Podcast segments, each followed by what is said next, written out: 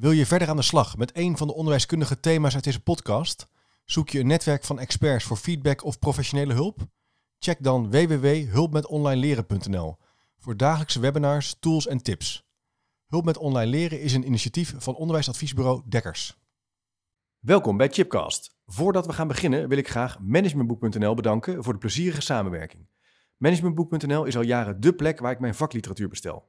En we zijn in het kader van Chipcast een leuke samenwerking gestart. Op www.managementboek.nl slash chipcast vind je een overzicht van de boeken die de revue passeren in de Chipcast afleveringen. Neem dus snel een kijkje op www.managementboek.nl slash chipcast. Ja, beste luisteraar, welkom bij een nieuwe Chipcast aflevering waar ik op zoek ga naar ongewone antwoorden en nieuwe perspectieven op vragen die uh, mij bezighouden. En uh, nog steeds in de, op zolder in, in Zeist neem ik de podcast op, soms ook op locatie, maar natuurlijk minder in deze nieuwe realiteit. En leek me daarom wel interessant om eens met Michael Hebben te gaan praten. Michael is een uh, gamification expert. Hij is eerder in een uh, podcastaflevering geweest over gamification en leren. Uh, is echt een vernieuwer. werkt op allerlei gekke manieren aan, aan online leeromgevingen, werkomgevingen. In ziekenhuizen, scholen, maar ook commerciële organisaties. En in een podcast die je straks gaat luisteren zijn wij via Zoom, dat is een online programma, met elkaar in gesprek. Dus ik wil je daar vast even op voorbereiden. Dan zijn we aan het experimenteren. Af en toe hoor je wat, uh, wat geknisper, wat geruis. En een enkele keer is de verbinding, uh, valt die een heel klein beetje weg. Maar het is allemaal goed te horen. En uh, nou, luister maar eens even mee naar een gesprek over of je nog wel een auto nodig hebt. Over sneller vergaderen. Over adviseurs die niks te doen hebben. En, en innovatie en vernieuwing in een ma maatschappij die volop in beweging is. Je zit nou zeg maar boven recording. Oké, oh ja, Ja. En hoe begin je nou hoe begin je een gesprek, een Zoom-gesprek? Normaal zeg je altijd, nou welkom Michael in de studio, maar dat, dat is nu. En dat is nu wat anders, hè? Maar goed, ja, ik, wat ik doe is eigenlijk uh, welkom uh, in deze Zoom-meeting. En uh, hoe zit iedereen erbij? Ja. Hoe je? Ja. Hoe gaat het in deze tijd? Nou, heb je niet de indruk dat het veel sneller gaat, de interactie? Dat je eigenlijk, doordat je dit medium ertussen zit, je eigenlijk veel sneller ook wel tot de kern komt je kan wel even uitwisselen, maar je gaat ook niet een half uur praten over hoe je je voelt bij iets of zo. Dat, dat doe je nee, het is meer gewoon een soort uh, uh, algemene check-in. Hè? Dus we even gewoon, dat is misschien nu ook wel, doordat het nou ja, een bijzondere situatie is, dat iedereen er wat meer en bewuster mee bezig is, dat je het daardoor doet. Ja. Ehm, maar ik heb ook wel het gevoel dat je sneller tot de kern komt. Ja. En je merkt ook wel waar in eerste instantie iedereen een soort kopie maakte van, nou, we, gaan, we hebben een managementvergadering of we hebben een vergadering, anderhalf uur ja, anderhalf uur videoconferencing is echt uh, lang. Niet te doen, nee. Het is gewoon niet te doen. Je bent er gewoon helemaal klaar mee. Ja. Uh, en maar het blijkt ook dat je dat gewoon een half uur, drie kwartier ook prima kan doen. Mits je daar wat goede dingen, hè, of met z'n tweeën doet. Een uh, moderator, editor. in plaats van alleen maar iemand die het aanzet. En dan kun je echt wel al snel schakelen. Ja, nou cool. Daar gaan we het dus over hebben. Hè? Over wat hebben we nou geleerd van, van deze lockdown? Qua ja, de eerste, volgens mij hebben we nu de eerste zes weken achter de rug, toch? Van de lockdown? is dat zoiets? Ja, zoiets. Ja, zes weken. Ja. Wat hebben we ervan? En jij bent eerder natuurlijk in de, in de podcast geweest om over gaming te hebben. Gamification, dit is eigenlijk ook een soort beperkte ruimte. Uh, dit is een hele nieuwe game. Ja, absoluut. Ja.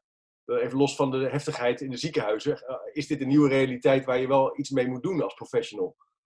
Nou ja, je wordt in ieder geval uitgedaagd om op... Uh, we krijgen eigenlijk een... Nou ja, ja, je kan het als kans zien, maar ook wel als, uh, als nou ja, belemmering. Maar je, je, wordt in ieder geval uitgedaagd om iets nieuws te gaan doen. Ja. En dus alles wat je gewend was, hoe het was, is, is er nu niet. Of in vele gevallen is er nu niet meer. En je zult dus opnieuw moeten gaan uh, uh, heroriënteren, herijken. Hoe richt je het in? Hoe richt je je werk en je gezin? Ehm, daar word je nu wel heel erg in gechallenged. Ja. En nou ja, voor een deel wachten we met z'n allen af, hè, in de hoop dat het over uh, vijf weken weer genormaliseerd is, of na de zomervakantie. Of, uh, wachten eigenlijk, we hopen met z'n allen uh, dat het over een paar maanden weer gewoon was zoals het altijd was. Ja. En nou ja, misschien zouden we deze tijd ook kunnen gebruiken om nog meer met elkaar na te gaan denken over van hé, hey, hoe gaan we dat organiseren? Wat als dit nu de nieuwe werkelijkheid is? Ja, ik moet denken aan, ik, ik, heb, ik doe een project bij de, bij de binnenstad van gemeente Utrecht. Mm -hmm. En dat ligt nu, en ik vorige week hadden we zo'n een, een, een hangout meeting. Of nee, dat was volgens mij via Teams. Ook zo'n platform. Ja.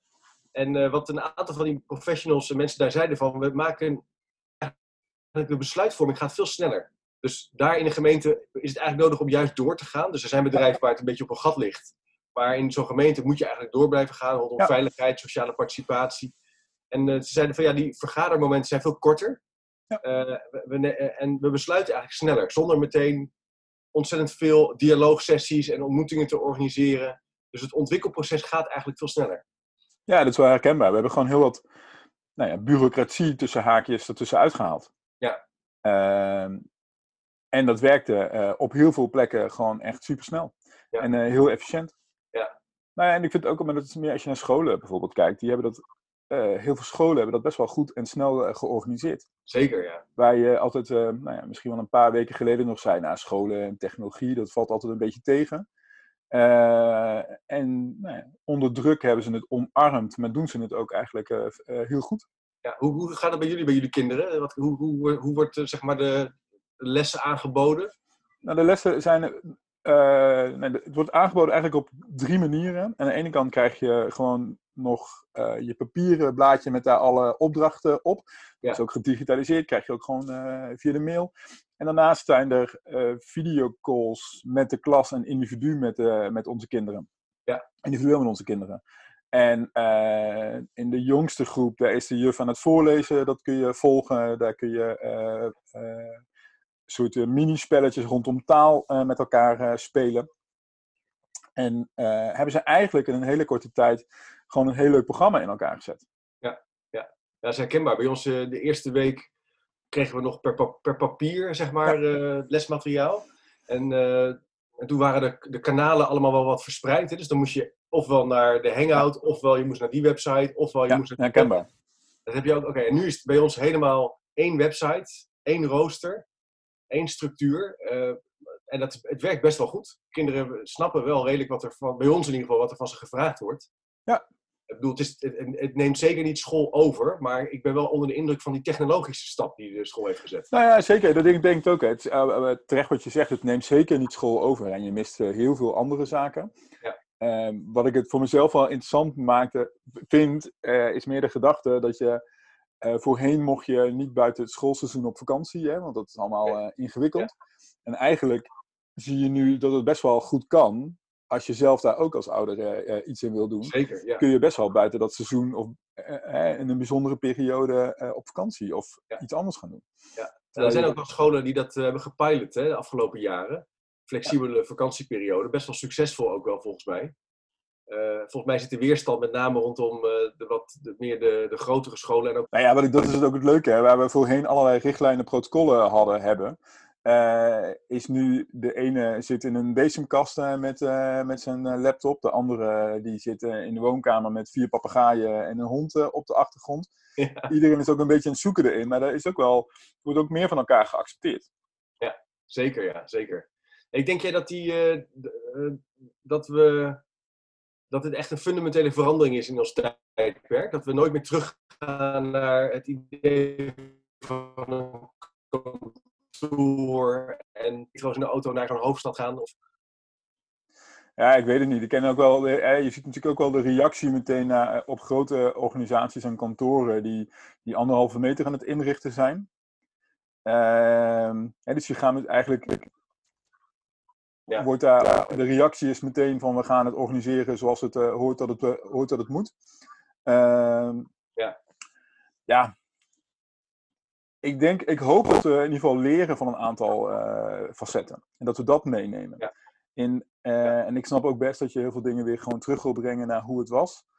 Ehm, maar ik zie het vooral, is er een ruimte of zien we ruimte om deze tijd te gebruiken, ook om te experimenteren en dingen te onderzoeken wat wel werkt en wat niet werkt. En de, wat nu werkt, noodgedwongen, kunnen we dat omarmen en gebruiken in, een, in, in de volgende fase. In plaats Ja. van weer helemaal teruggaan van hoe het was. Ja, dat ken ik wel, want je, je, hebt ook wel eh, economen die. We zijn natuurlijk heel lang in een optimalisatiegolf zitten. Hè?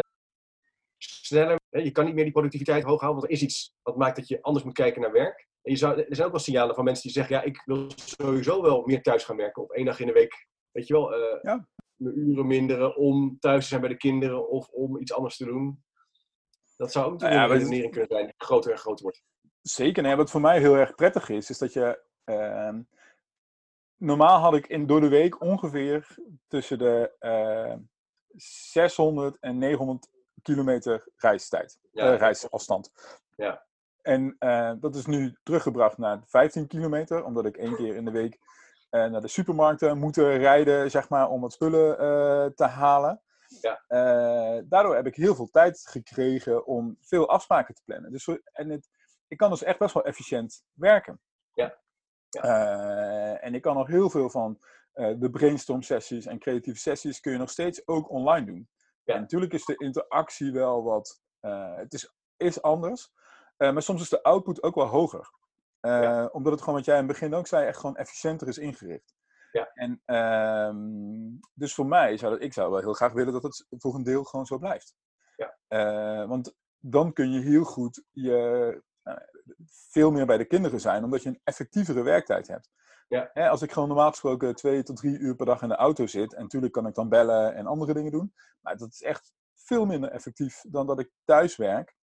eh, om half negen eh, of negen uur de kinderen naar school heb gebracht, zeg maar eh, de contacten leg en om drie uur de kinderen zou ophalen, dan heb ik ongeveer dezelfde werktijd geleverd dan dat ik met al mijn reistijd zou hebben.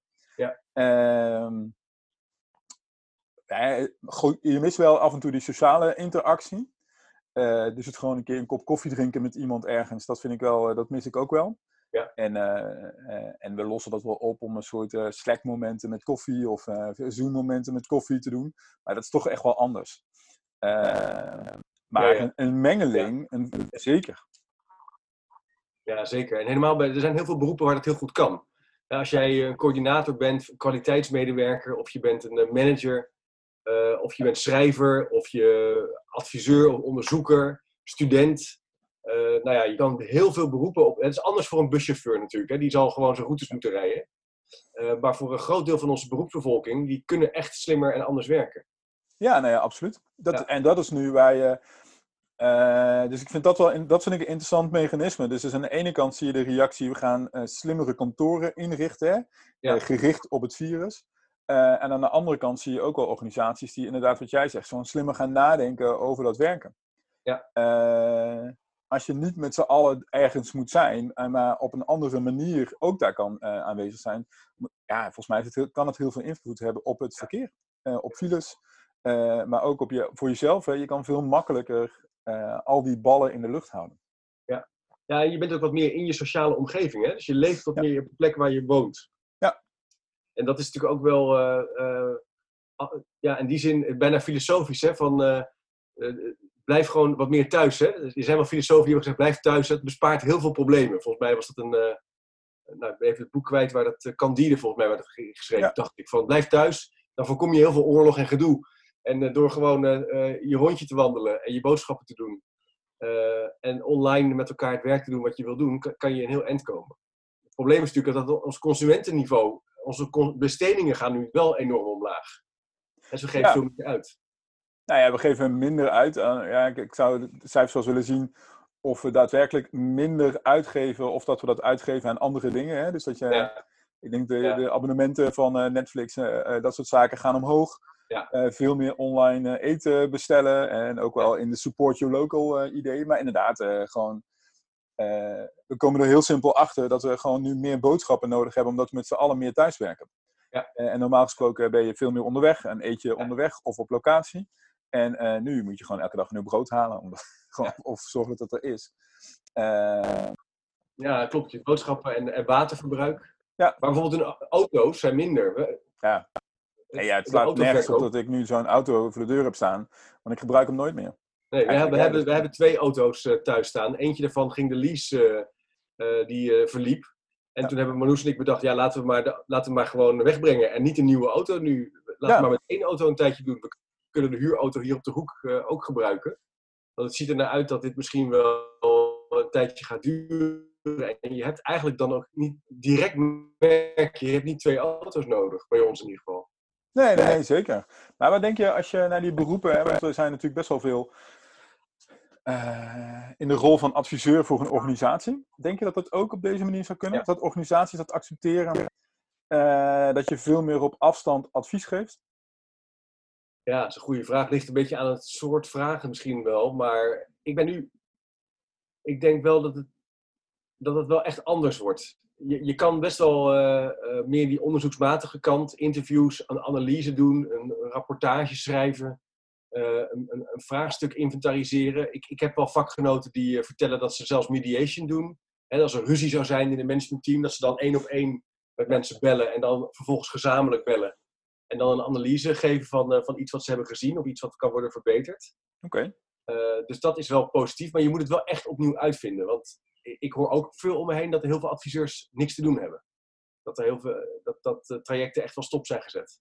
Ja. Ik weet niet hoe jij dat ziet, maar. Nou ja, ik denk, ik ben dat, ik denk dat het heel erg gaat over dat opnieuw uitvinden. Als je, Ja. als je, gaat, als je hetzelfde probeert te doen in de, in de oude, vanuit, de, vanuit de oude situatie nu, Ja, dan precies. loop je tegen heel veel zaken aan. Je zult echt wel dat traject en dat advies opnieuw moeten gaan vormgeven. Ja. Ehm, maar ik denk ook dat je, ja, ik zie het zelf voor meer in deze fase ook echt als een soort experimenteren eh, eh, fase. Ja. Ja. Kun je projecten begeleiden op afstand? Ja. Nou volgens mij zou dat gewoon moeten kunnen als je regelmatig met je projectgroep bij elkaar kan komen via een Zoom-meeting.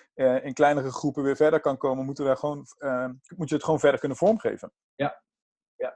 We zijn nu een, een implementatie van een eh, softwareprogramma op afstand aan het doen. Hè. Iedereen zou gewoon klassikaal getraind worden van de organisatie. En nu trainen we 600 mensen thuis. Ja. Ehm, en het geeft ook wel weer heel veel inzichten dat je denkt van hoezo hebben we dat nooit Nee, zeker. een half jaar geleden gedaan. Hè? Want dan, hè, dan gingen we locaties inrichten. eh moest er enorm veel eh, hardware gekocht worden om iedereen te kunnen trainen op die manier. En nu doen we dat gedwongen door de situatie gewoon thuis. En eh, nou ja, we zijn heel benieuwd naar de, naar de effecten. Hè? Of dat net zo eh, efficiënt is als op je werk eh, trainen. Maar denk je ook niet dat we gewoon heel veel dingen doen we als er geen urgentie is, omdat we ze altijd zo doen? Ja, Dus we doen altijd, we doen altijd congressen. Dus dan doen we altijd congressen. We doen altijd eh, trainingen. We hebben daar ooit een keer een, onder, een artikel over geschreven in ziekenhuizen. We trainen. Ja. Mensen uit het werk halen. eh, vervolgens een dag bezighouden en weer terug naar het werk. Omdat we dat altijd doen. En eh, je kan altijd, dan, kan, dan, dan kan je af en toe fundamenteel nadenken over de noodzaak en het nut daarvan. Maar dan blijft het eigenlijk altijd wel gebeuren. En nu ineens moet je echt Ja. anders gaan kijken. En kan je niet op dezelfde manier naar een onderzoeks- of een adviestraject kijken. Nou ja, we, we, ja, we proberen wel soort eh, innovatief te zijn, maar de innovatie zit hem altijd in, op. Ja, het zijn eh, eh, een beetje meer naar links, een beetje meer naar rechts. Hè. Het zijn Ja. niet hele grote innovatieve eh, Nee. veranderingen. En de situatie nu dwingt je om daar anders naar te kijken. En toch heb ik nog steeds het gevoel dat we meer pleisters aan het ontwikkelen zijn die we op, daarop kunnen plakken, dan dat we echt daadwerkelijk iets heel groots, fundamenteel anders eh, eh, gaan doen. Eh, maar dat is meer een soort onderliggend eh, gevoel. Ik denk op werkgebied en op eh, vergadergebied eh, zeker kun je technologieën inzetten. Ehm, maar we zijn, gevoelsmatig zijn we nog steeds met z'n allen aan het wachten tot het weer over is. En, en dat we dan weer kunnen doen wat we altijd deden. Ja. Terwijl bij mij bekruipt heel erg het gevoel dat je nu die tijd moet gebruiken om echt radicaal anders naar systemen te gaan kijken. Ja. Omdat dat nu het moment is. En ja, eh, als het nu niet kan, dan gaat dat nooit, ga je het nooit doen.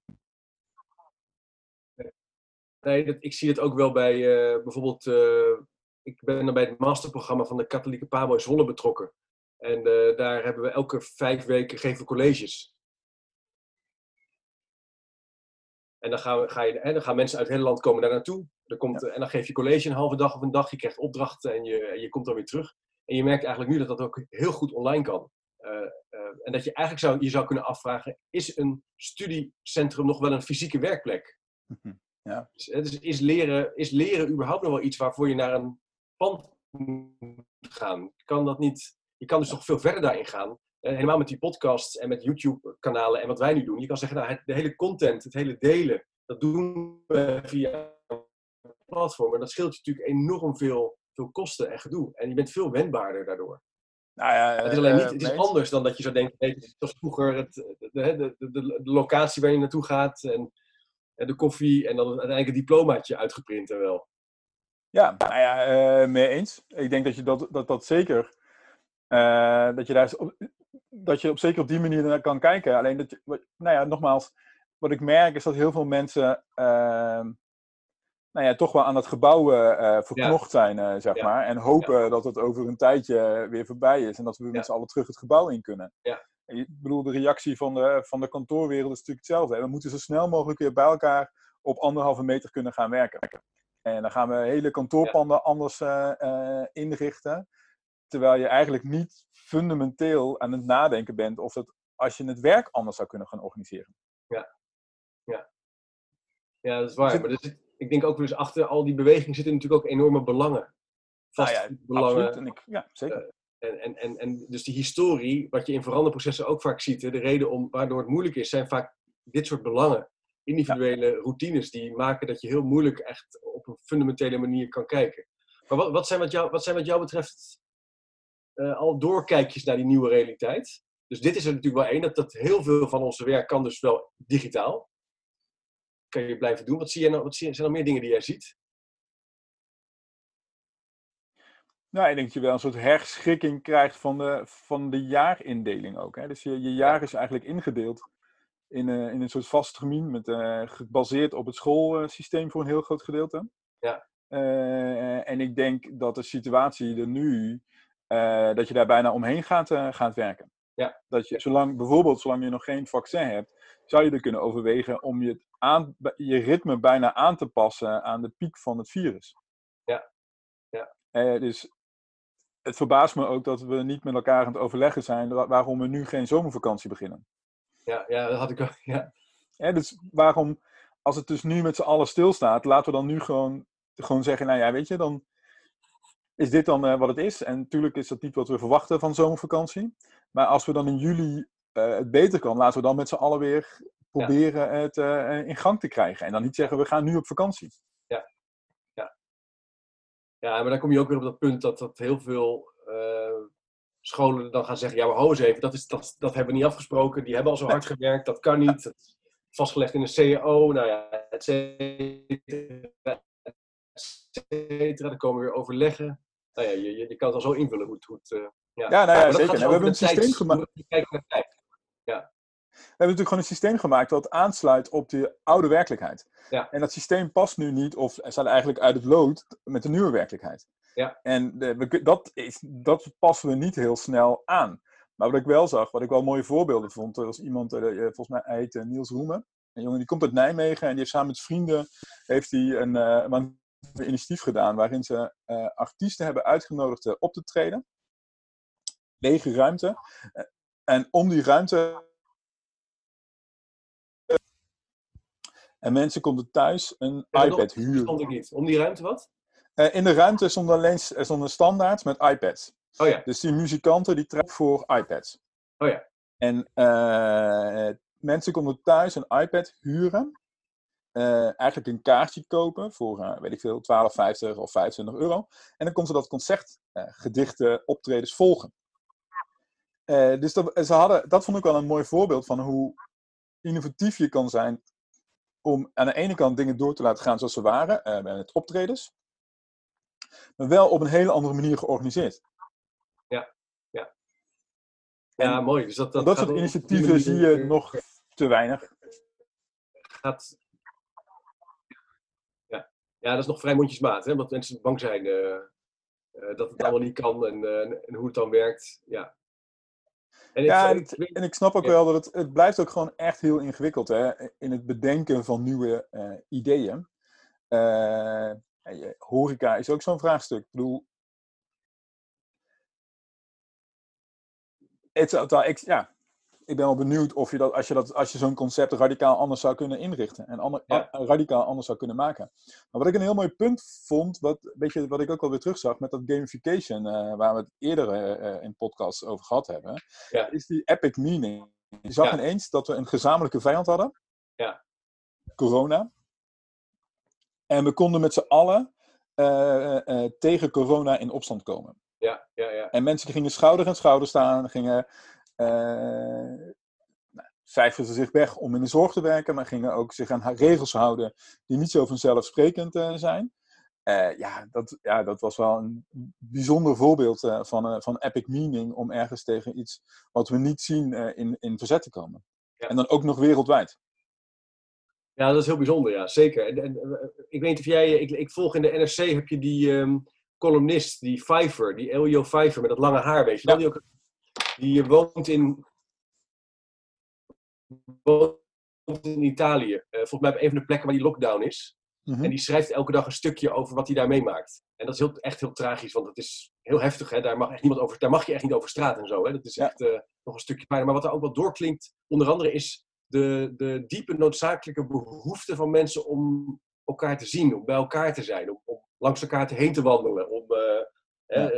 Eh, eh, geluid te horen van mensen, weet je wel, eh, in de zon te zitten. Dus we moeten ook wel weer opnieuw kijken, wat is nou eigenlijk samen? Ja. Wat, wat is eigenlijk verbinding? Want het is, eh, hij gaat er echt bijna aan onderdoor. Dus als ik hem lees, het is heel zwaar wat hij meemaakt, wat hij omschrijft. Ja, en ik, wat ik merk zelf daaraan is dat je eh, misschien nog wel meer met mensen praat, zeg maar, die je dan toevallig als passanten langskomen en dan op gepaste afstand even stoppen. Ja. Eh, dan dat je dat eh, voorheen eh, zou doen. Ja, ja. En dan ging je toch met je eigen groepje op terras zitten of sprak je af. En nou, ik, ik voel ook wel dat daar een soort verandering in zit. Ja. En, maar je vroeg ook net, hè, van, zie je nog meer dingen die in de toekomst die echt zo gaan blijven? Ehm, nou, ik denk het eigenlijk, vooralsnog zie ik er nog niet heel veel. Eh, behalve dan technologie die een rol spelen, die dat eh, anders gaan aanvliegen. Eh, wat ik vooral zie is toch gewoon bedrijven die het proberen zo te organiseren, zodat ze de tijd doorkomen. En hopen dat die tijd zo kort mogelijk is, om dan het weer op te pakken van wat ze eh, voorheen deden. Ja, maar dus echt een fundamentele herschikking is er nog niet. Het is nog een beetje meer, meer van hetzelfde. Ja. In, in, in, ehm, dat herken ik wel bij een aantal mensen uit mijn netwerk. Die zeggen van ja, we, we, we werken allemaal thuis. Zo- zodat we in ieder geval de productie zo goed mogelijk op peil kunnen houden, hè, bij wijze van spreken. Terwijl je, jij zegt eigenlijk van opnieuw kijken, dat zien we nog niet zo heel veel gebeuren. Dat zullen misschien weer nieuwe initiatieven zijn. Zoals dat kunst. kunst Ja, ja, dat soort dingen, dat is, dat, dat, die zijn toch nog wel best wel mondjesmaat. Ja. Ik had verwacht dat dat veel groter, eh, eh, veel groter zou zijn. Ja. Ja. En eh, misschien zit daar ook wel een soort hoop in, wat je denkt, nou, dit is echt het moment om fundamenteel anders naar de wereld te kijken en hoe we het georganiseerd hebben. En nou, dat zie ik nu na vijf weken, hè, waar ik het in het begin misschien wat meer dacht, eh, in de eerste twee, drie weken, zie ik dat na Nee, vijf, zes weken niet terug. Nee, misschien zitten we toch nog een beetje in de ontkenningsfase. Van, nou, het- zo van, oh shit, het is echt super erg. Ik hoop maar dat dat snel voorbij gaat. Ja, Dat had ik gisteren ook hoor, bij, bij Rutte. Die, eh, het is vandaag woensdag, gisteren was die persconferentie. Dat ik dacht van, nou, ik hoop maar dat eh, weer de kinderen weer naar school kunnen gaan. Hè? Dat het weer normaal wordt. Terwijl je, Ja. er zijn ook wel onderzoeken, Harvard deed het bijvoorbeeld, die zeiden, ja, het gaat nog wel een paar jaar duren dit. Eh, Nou ja, kijk, als het dat is, dan eh, moet je daar met z'n allen een oplossing voor gaan zoeken. Ja. En eh, hoe moeilijk dat ook, eh, eh, ook is. Ja, kijk, een van de voorbeelden vind ik ook dat je vanuit de overheid heeft daar wel een soort initiatief in genomen. hè. Zeker in het begin, in die eerste twee weken, was het gevoel, oh, we gaan eh, eh, mensen vo- tegemoetkomen, we stellen belastingen uit, we gaan je helpen. Ja. Het heeft een heel veel vertrouwen en een goed gevoel gegeven. En nu merk ik dat het ook wel een beetje aan het weg ja, appen is. Hè? We kijken er toch alweer anders naar. Als, de overheid kijkt er toch alweer anders naar. Maakt de uitzonderingen voor de een en voor de, voor de ander. Terwijl, ja, weet je, een, een ondernemer, die, nou ja, neem een horeca-ondernemer, die heeft natuurlijk gewoon zijn personeel. Dat wordt dan voor een deel vergoed. Ja. Of voor een groot deel misschien wel vergoed. Maar goed, die heeft ook nog al zijn andere vaste lasten. En daar wordt er relatief of eigenlijk niets mee gedaan. Ehm, en ik zeg ook niet dat je, maar je zou ook kunnen zeggen van als overheid, hey, we eh, garanderen je je omzet van het afgelopen jaar, eh, los van hoe we dat gaan betalen. Eh, maar dan, dan ontstaat er wel ruimte om met elkaar fundamenteel anders na te gaan denken over nieuwe, eh, van hoe je dit opnieuw zou kunnen aanpakken. Ja, je zou kunnen zeggen dat die, knel, dat die knel dus economisch nog wel heel veel spanning zet op dat vernieuwen. Ja, ik denk het wel, want je, je- wordt ook wel gedwongen. Hè. Je, wil, je hebt eigenlijk geen andere richtlijnen. Nee. Eh, dus je moet als ondernemer, denk ik, zo snel mogelijk gewoon weer in gang komen. Ja. Om gewoon je kosten te, te kunnen dekken. Niet eens winst maken, maar gewoon kostendekkend eh, te zijn. Ja. Moet je gewoon weer gaan beginnen. Ja. En eh, zolang dat niet kan en je geen uitkomsten of uitzichten hebt op iets anders, verlamt dat. Dan ga je ook niet opnieuw eh, iets totaal anders doen. En dan kom je toch op het punt dat die economie bijna een soort religie is. En dat geld is bijna zo, zo sterk, wordt dat dan de krijgt het de nadruk dat je niet er buiten kan denken. Terwijl eigenlijk zit, daar, zit daar misschien wel de ruimte op een bepaalde manier. Ja, je moet, het is denk ik ook een kwestie van. Het is eigenlijk, als je dit vergelijkt met een uh, nieuw project in een organisatie, is natuurlijk. Heb je ook een innovatiebudget. En uh, je hebt een heel groot innovatiebudget nodig. Uh, en ik heb ook geen idee van hoe je dat moet financieren. Ja. Maar dat is wel. Je hebt gewoon meer tijd. je hebt meer zekerheid en meer tijd nodig om nieuwe dingen te doen. Nee, dat herken ik wel. Ik zat gisteren naar uh, de ommekeer te luisteren met uh, Ad Verbrugge. Die interviewde een econoom. Mm -hmm. Ik zal de link nog even op de website plaatsen. Die maakte gehakt van die hele de maatregelen. Maar die zei, nou ja, of je het daarmee eens is of niet, maar die, die had allerlei opvattingen over dat we juist naar buiten moesten gaan en moesten ja. uitgeven. Maar het punt wat ik wel sterk vond, wat hij zei, van ja, we moeten, uh, je moet bewegingsruimte hebben om, gel om geld uit te geven. Je kan niet, als je niet, dus je hebt ruimte nodig om weer te gaan besteden. Dus ja. vernieuwing, een innovatiebudget kan misschien ruimte geven om te zeggen, nou dan ga ik toch een wasmachine kopen of ik ga toch... En als dat niet gebeurt, dan gaat, gaat de economie krimp 30, 40 procent. Uh, ja, maar dat is wel een beetje wat ik zei. Als je het houdt zoals het was, dan wil je ook als ondernemer, hè, want je moet gewoon uh, over een uh, paar maanden ja. weer zijn belastingen gaan betalen. Die heeft zijn personeelskosten, ja. zijn bedrijf, alles. Dus die zal gewoon zo snel mogelijk weer willen dat, het dat hij weer kan doen, ook waar hij goed in is om dat te doen. Terwijl als je dat zou uh, compenseren als innovatiegeld eigenlijk, hè, dat je gebruikt deze tijd om naar nieuwe naar, uh, mogelijkheden te kijken, niet om tijd te overbruggen, maar echt om fundamenteel anders je organisatie in te richten. Uh, ja. ja. Dus het is tijd voor een innovatiebudget, een corona-innovatiebudget.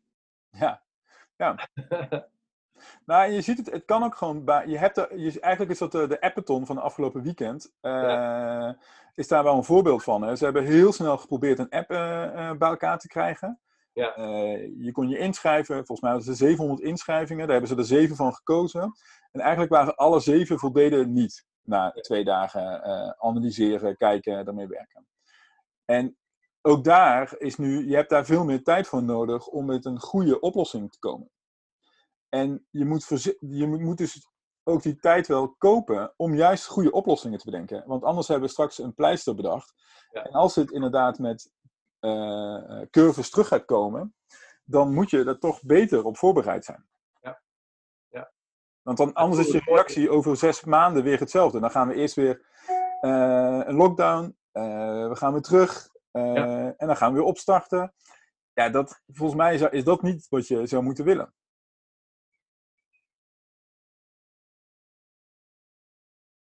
Vernieuwen, om te leren en om na te denken. En dat vraagt dus ook economische ruimte. Ja. Ja. ja. Als je een bedrijf hebt die gaat pas innoveren op het moment, over het algemeen, dat er ruimte is om te innoveren. En dus eh, in budget en in denkgedachten. Ja, ofwel dat er een soort existentiële bedreiging is, zoals nu. Hè? Dat zeggen, dat dat dat ook maar ja, we komen tot, toch tot de conclusie dat die existentiële bedreiging vooral leidt tot meer van hetzelfde. Hè? In deze situatie. Van afwachten tot het voorbij is, tot het weer beter wordt. Terwijl jij zegt echt, dan moet je misschien juist inzetten op dat andere perspectief. Ja, en de vraag is ook of we het voelen als een. Uh, uh, zo groot voelen als een bedreiging. In het begin wel, denk ik, maar ik denk dat dat heel erg afvlakt. Dat gevoel van, uh, van, van bedreiging. En,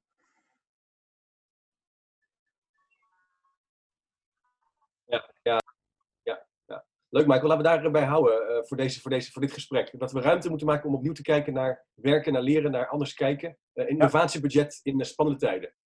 Ja. Laten we, laten we volgende week of over twee weken nog eens terugchecken, inchecken. Bellen we gewoon nog een keer.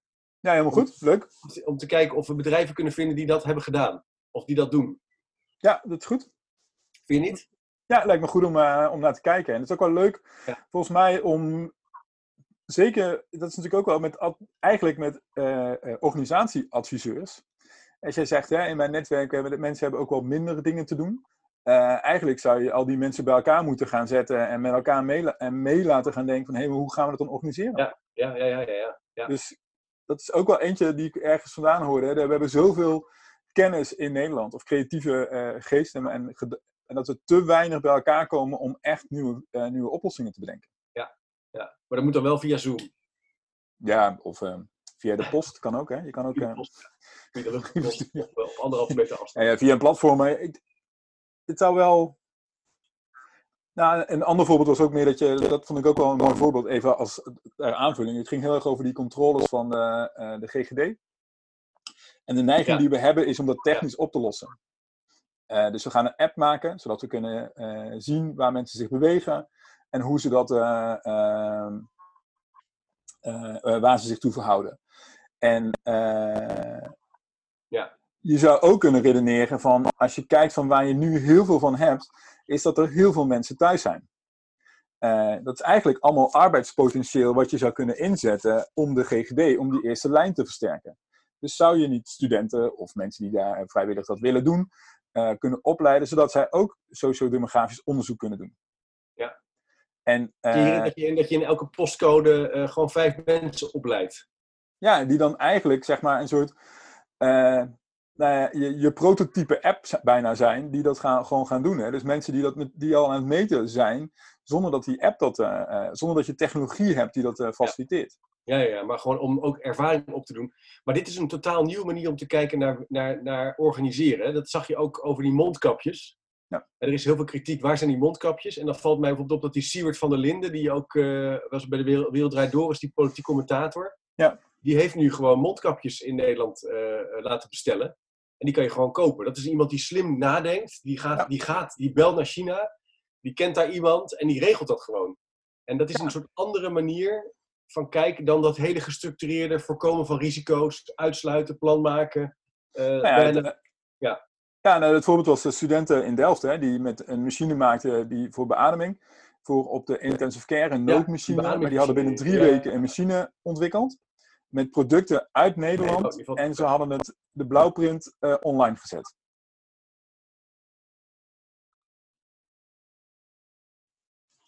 Hoor je me nog? Wacht even, begin eens opnieuw, Michael, want dat hoorde Oh. ik niet. Nou, je had Ja, het voorbeeld van moet- studenten in Delft. Even Die, één keer, je moet even beginnen bij Delft. Dus eh, hetzelfde als het voorbeeld van de studenten in Delft die een eh, beademingsmachine hadden ontwikkeld voor de intensive cares. Een soort een noodbeademingsmachines. Dat hebben ze in drie weken tijd eh, vormgegeven met producten uit Nederland. En ze hebben het hoe ze het hebben gemaakt en wat ze hebben gedaan meteen online gezet, zodat anderen het ook konden gebruiken. Ja. Ja. nou ja, dat is een voorbeeld van kennis bij elkaar brengen en eh, nieuwe inzichten snel met elkaar delen en op een andere manier naar dat vraagstuk kijken. Ja. Nou, je zou, eh, het is op zich wel een interessante challenge om te kijken of je adviseurs eh, bij elkaar kan brengen en in drie weken tijd gewoon nieuwe concepten kan laten bedenken die ze online zetten, waar, mensen, waar bedrijven mee aan de slag kunnen gaan. Ja, leuk. Dus echt op een andere manier kijken. Hè? Dat, dat GGD-voorbeeld van die testers is dan wel natuurlijk heel interessant. Hè? En zo'n beademingssysteem en die mondkapjes, dat zijn eigenlijk dat is een soort ondernemende gedachte. Eh, Ja, en die is ook wel eh, weer terug te brengen van hoe we het altijd doen. Hè? Als je naar organisaties kijkt, die willen, als ik daarmee in gesprek ben, 9 van de 10 keer eigenlijk een middel. Technologie. Want dat gaat alles oplossen. Nou, je ziet de vergelijking met de corona-applicatie is nou ja, bijna identiek. We geloven heel sterk dat de technologie daarvoor de oplossing gaat brengen. En dat gaat het hem ook doen. En in, eh, uiteindelijk, denk ik. Alleen we, ver- we missen vaak de simpele oplossingen, die zien we over het hoofd. Of simpele oplossingen, we zien andere oplossingen daardoor over Ja. het hoofd. We, we kunnen niet zo goed heel breed kijken en dan Nee. bij elkaar brengen. We zitten al heel vaak in de oplossingsrichting. ja, ik vind ook wel bij die app, ik, denk, ik vind daar twee dingen ook wel tenenkrommend aan. Is, eh, andere landen lukt het niet, hè? zelfs Singapore lukt het niet om zo'n app werkend te krijgen. Dat is het land zo strak regime, dan denk ik, oeh, weet je, wat zegt dat dan over ons? En ook in Nederland zijn er al zoveel ICT-debakels geweest. Echt grote, grote projecten die zoveel geld hebben gekost die niet werken. Op management sites zijn daar heel veel eh, artikelen over te vinden. En dan denk ik, toch lijkt het wel of je weer in dezelfde valkuil trapt. Van, van door blijven gaan, nu toch gaan ontwikkelen. Ik vraag me echt af of dat ooit gaat werken hoor. Maar als je kijkt naar de, de randvoorwaarden die er zijn, wil zo'n app werken, denk ik nou, Nee, ik, denk, ik kan me voorstellen dat de app werkt, maar dan, is de- dan wordt het de app van Google en Apple. ja, precies ja. En dat is het laatste wat je wil. Ja, dat is het- nou, zeker het laatste wat je wil, maar dat als, als organisaties dat in staat zijn op grote schaal te, organise- te doen, dan Ja. zij dat zijn. Ja. Vanuit de overheid is dat echt heel ingewikkeld. Ja, zeker. ik, ben nu, uh, ik heb natuurlijk wat meer tijd s'avonds om series te kijken. Ik kijk nu een serie Westworld en de andere serie Devs. Mm D-E-V-S. Zeer de moeite waard. Het gaat ook over grote tech-companies. Ja. Die eigenlijk langzamerhand steeds meer macht krijgen. En daarmee ook de, de, de slag naar artificial intelligence slaan. Maar ook de slag naar het meten en beheersen van ieders individuele leven. Dus ze weten eigenlijk alles van je. Ze weten nu al of jij uh, straks witbrood of bruinbrood gaat eten. En of je je baard gaat trimmen of niet. Of je whatever, weet je wel. Ja. Dus er zijn genoeg voorbeelden van dat soort. Ja, dat is toch echt wel link, uh, linkersoep. Nou ja, het is, het is link, maar ik vind het vooral ook wel een voorbeeld van dat we uh, jumping in conclusions. Dus dat we te snel ja. oplossingen oplossingsrichtingen kiezen zonder goed te, gekeken te hebben of er ook andere mogelijkheden zijn. Zeker, ja. ja. Het, en het inzetten van middelen die je hebt, eh, dat daar ook heel vreemd naar gekeken wordt. Zeker, ja. En, en ik denk ook, grote bedrijven, je moet ook gewoon kritisch zijn op de belangen die die hebben. Kijk maar, Facebook, hè, Facebook killed democracy, hè, is, is toch wel eh, in de voorgaande verkiezingen in Amerika, ook Engeland, die, die hebben gewoon hele lelijke dingen gedaan. Je ziet het ook in het onderwijs. Hè. Grote uh, beursgenoteerde bedrijven willen invloed in het onderwijs hebben. Uh, met ja. leerlingvolgsystemen, met, uit, met boeken. Uh, zodat je natuurlijk ook spullen gaat kopen. En uh, afhankelijk wordt van Microsoft. En, en dat is niet, ja, daar moeten we gewoon kritisch op zijn. Dus het, uh... Ja, zeker. zeker. Ja. Je moet daar heel kritisch op zijn. En, In de NRC wordt er ook veel over geschreven. Over de, dat het niet alleen over, over het, het, gebruik van technologie gaat. Maar dat het breder gaat over privacy. En over hoe we überhaupt kijken naar, naar menselijk handelen en democratie. Nou, absoluut. Nee, ja, zeker. Kijk, en een ander vind ik ook al een mooi voorbeeld daarin is dat uh, landen waar technologie veel minder vooruit, uh, nou ja, vanzelfsprekend is, ja. uh, kunnen dus makkelijker zo'n oplossing à de GGD, die gaan makkelijker mensen inzetten om het probleem te tackelen. Ja. Dus Afrikaanse landen zijn, hebben, gaan gewoon veel meer metingen doen met de hand, omdat ze de technologie niet hebben. En wij wachten af totdat Roche nieuwe printplaten vrijgeeft of maakt. Terwijl we natuurlijk ook genoeg mensen in Nederland hebben die misschien wel handmatig zouden ja, kunnen, leren. Ja, ja. Nou, het is uh, ja, nou, super interessant, Michael. We gaan erop door. Ja, zeker. Helemaal goed. Leuk dat jij zo even uh, zo op deze manier in gesprek wilde. Ik heb wel weer geleerd dat uh, op zolder mijn internetverbinding niet altijd goed is. Maar het meeste is volgens mij... Ik, ik, ja, we hebben af en toe een beetje vertraging inderdaad. Ja, die haal ik er wel even uit. En, maar jij, jij filmt nu met je telefoon, hè? Of niet? Of met je tablet? Nee, ik zit met mijn laptop. Laptop? Oh, toch wel? Oké. Okay. Ja. ja. Maar ik kan ook met telefoon. Dat maakt eigenlijk niet zo heel veel uit, vind ik. ik dacht, misschien kan je wel met 4G dit ook doen, maar ik weet niet hoe dat zit. Nee, 4G kan zeker. 4G kan zeker, oké. Nou, gaan we dat de volgende keer proberen. Ja, Top, Michael. Leuk dat je even er was. Over twee weken gaan we weer inchecken. Ja, helemaal goed. Hij uh, spreek je later, hè. Hoi. Doei. doei.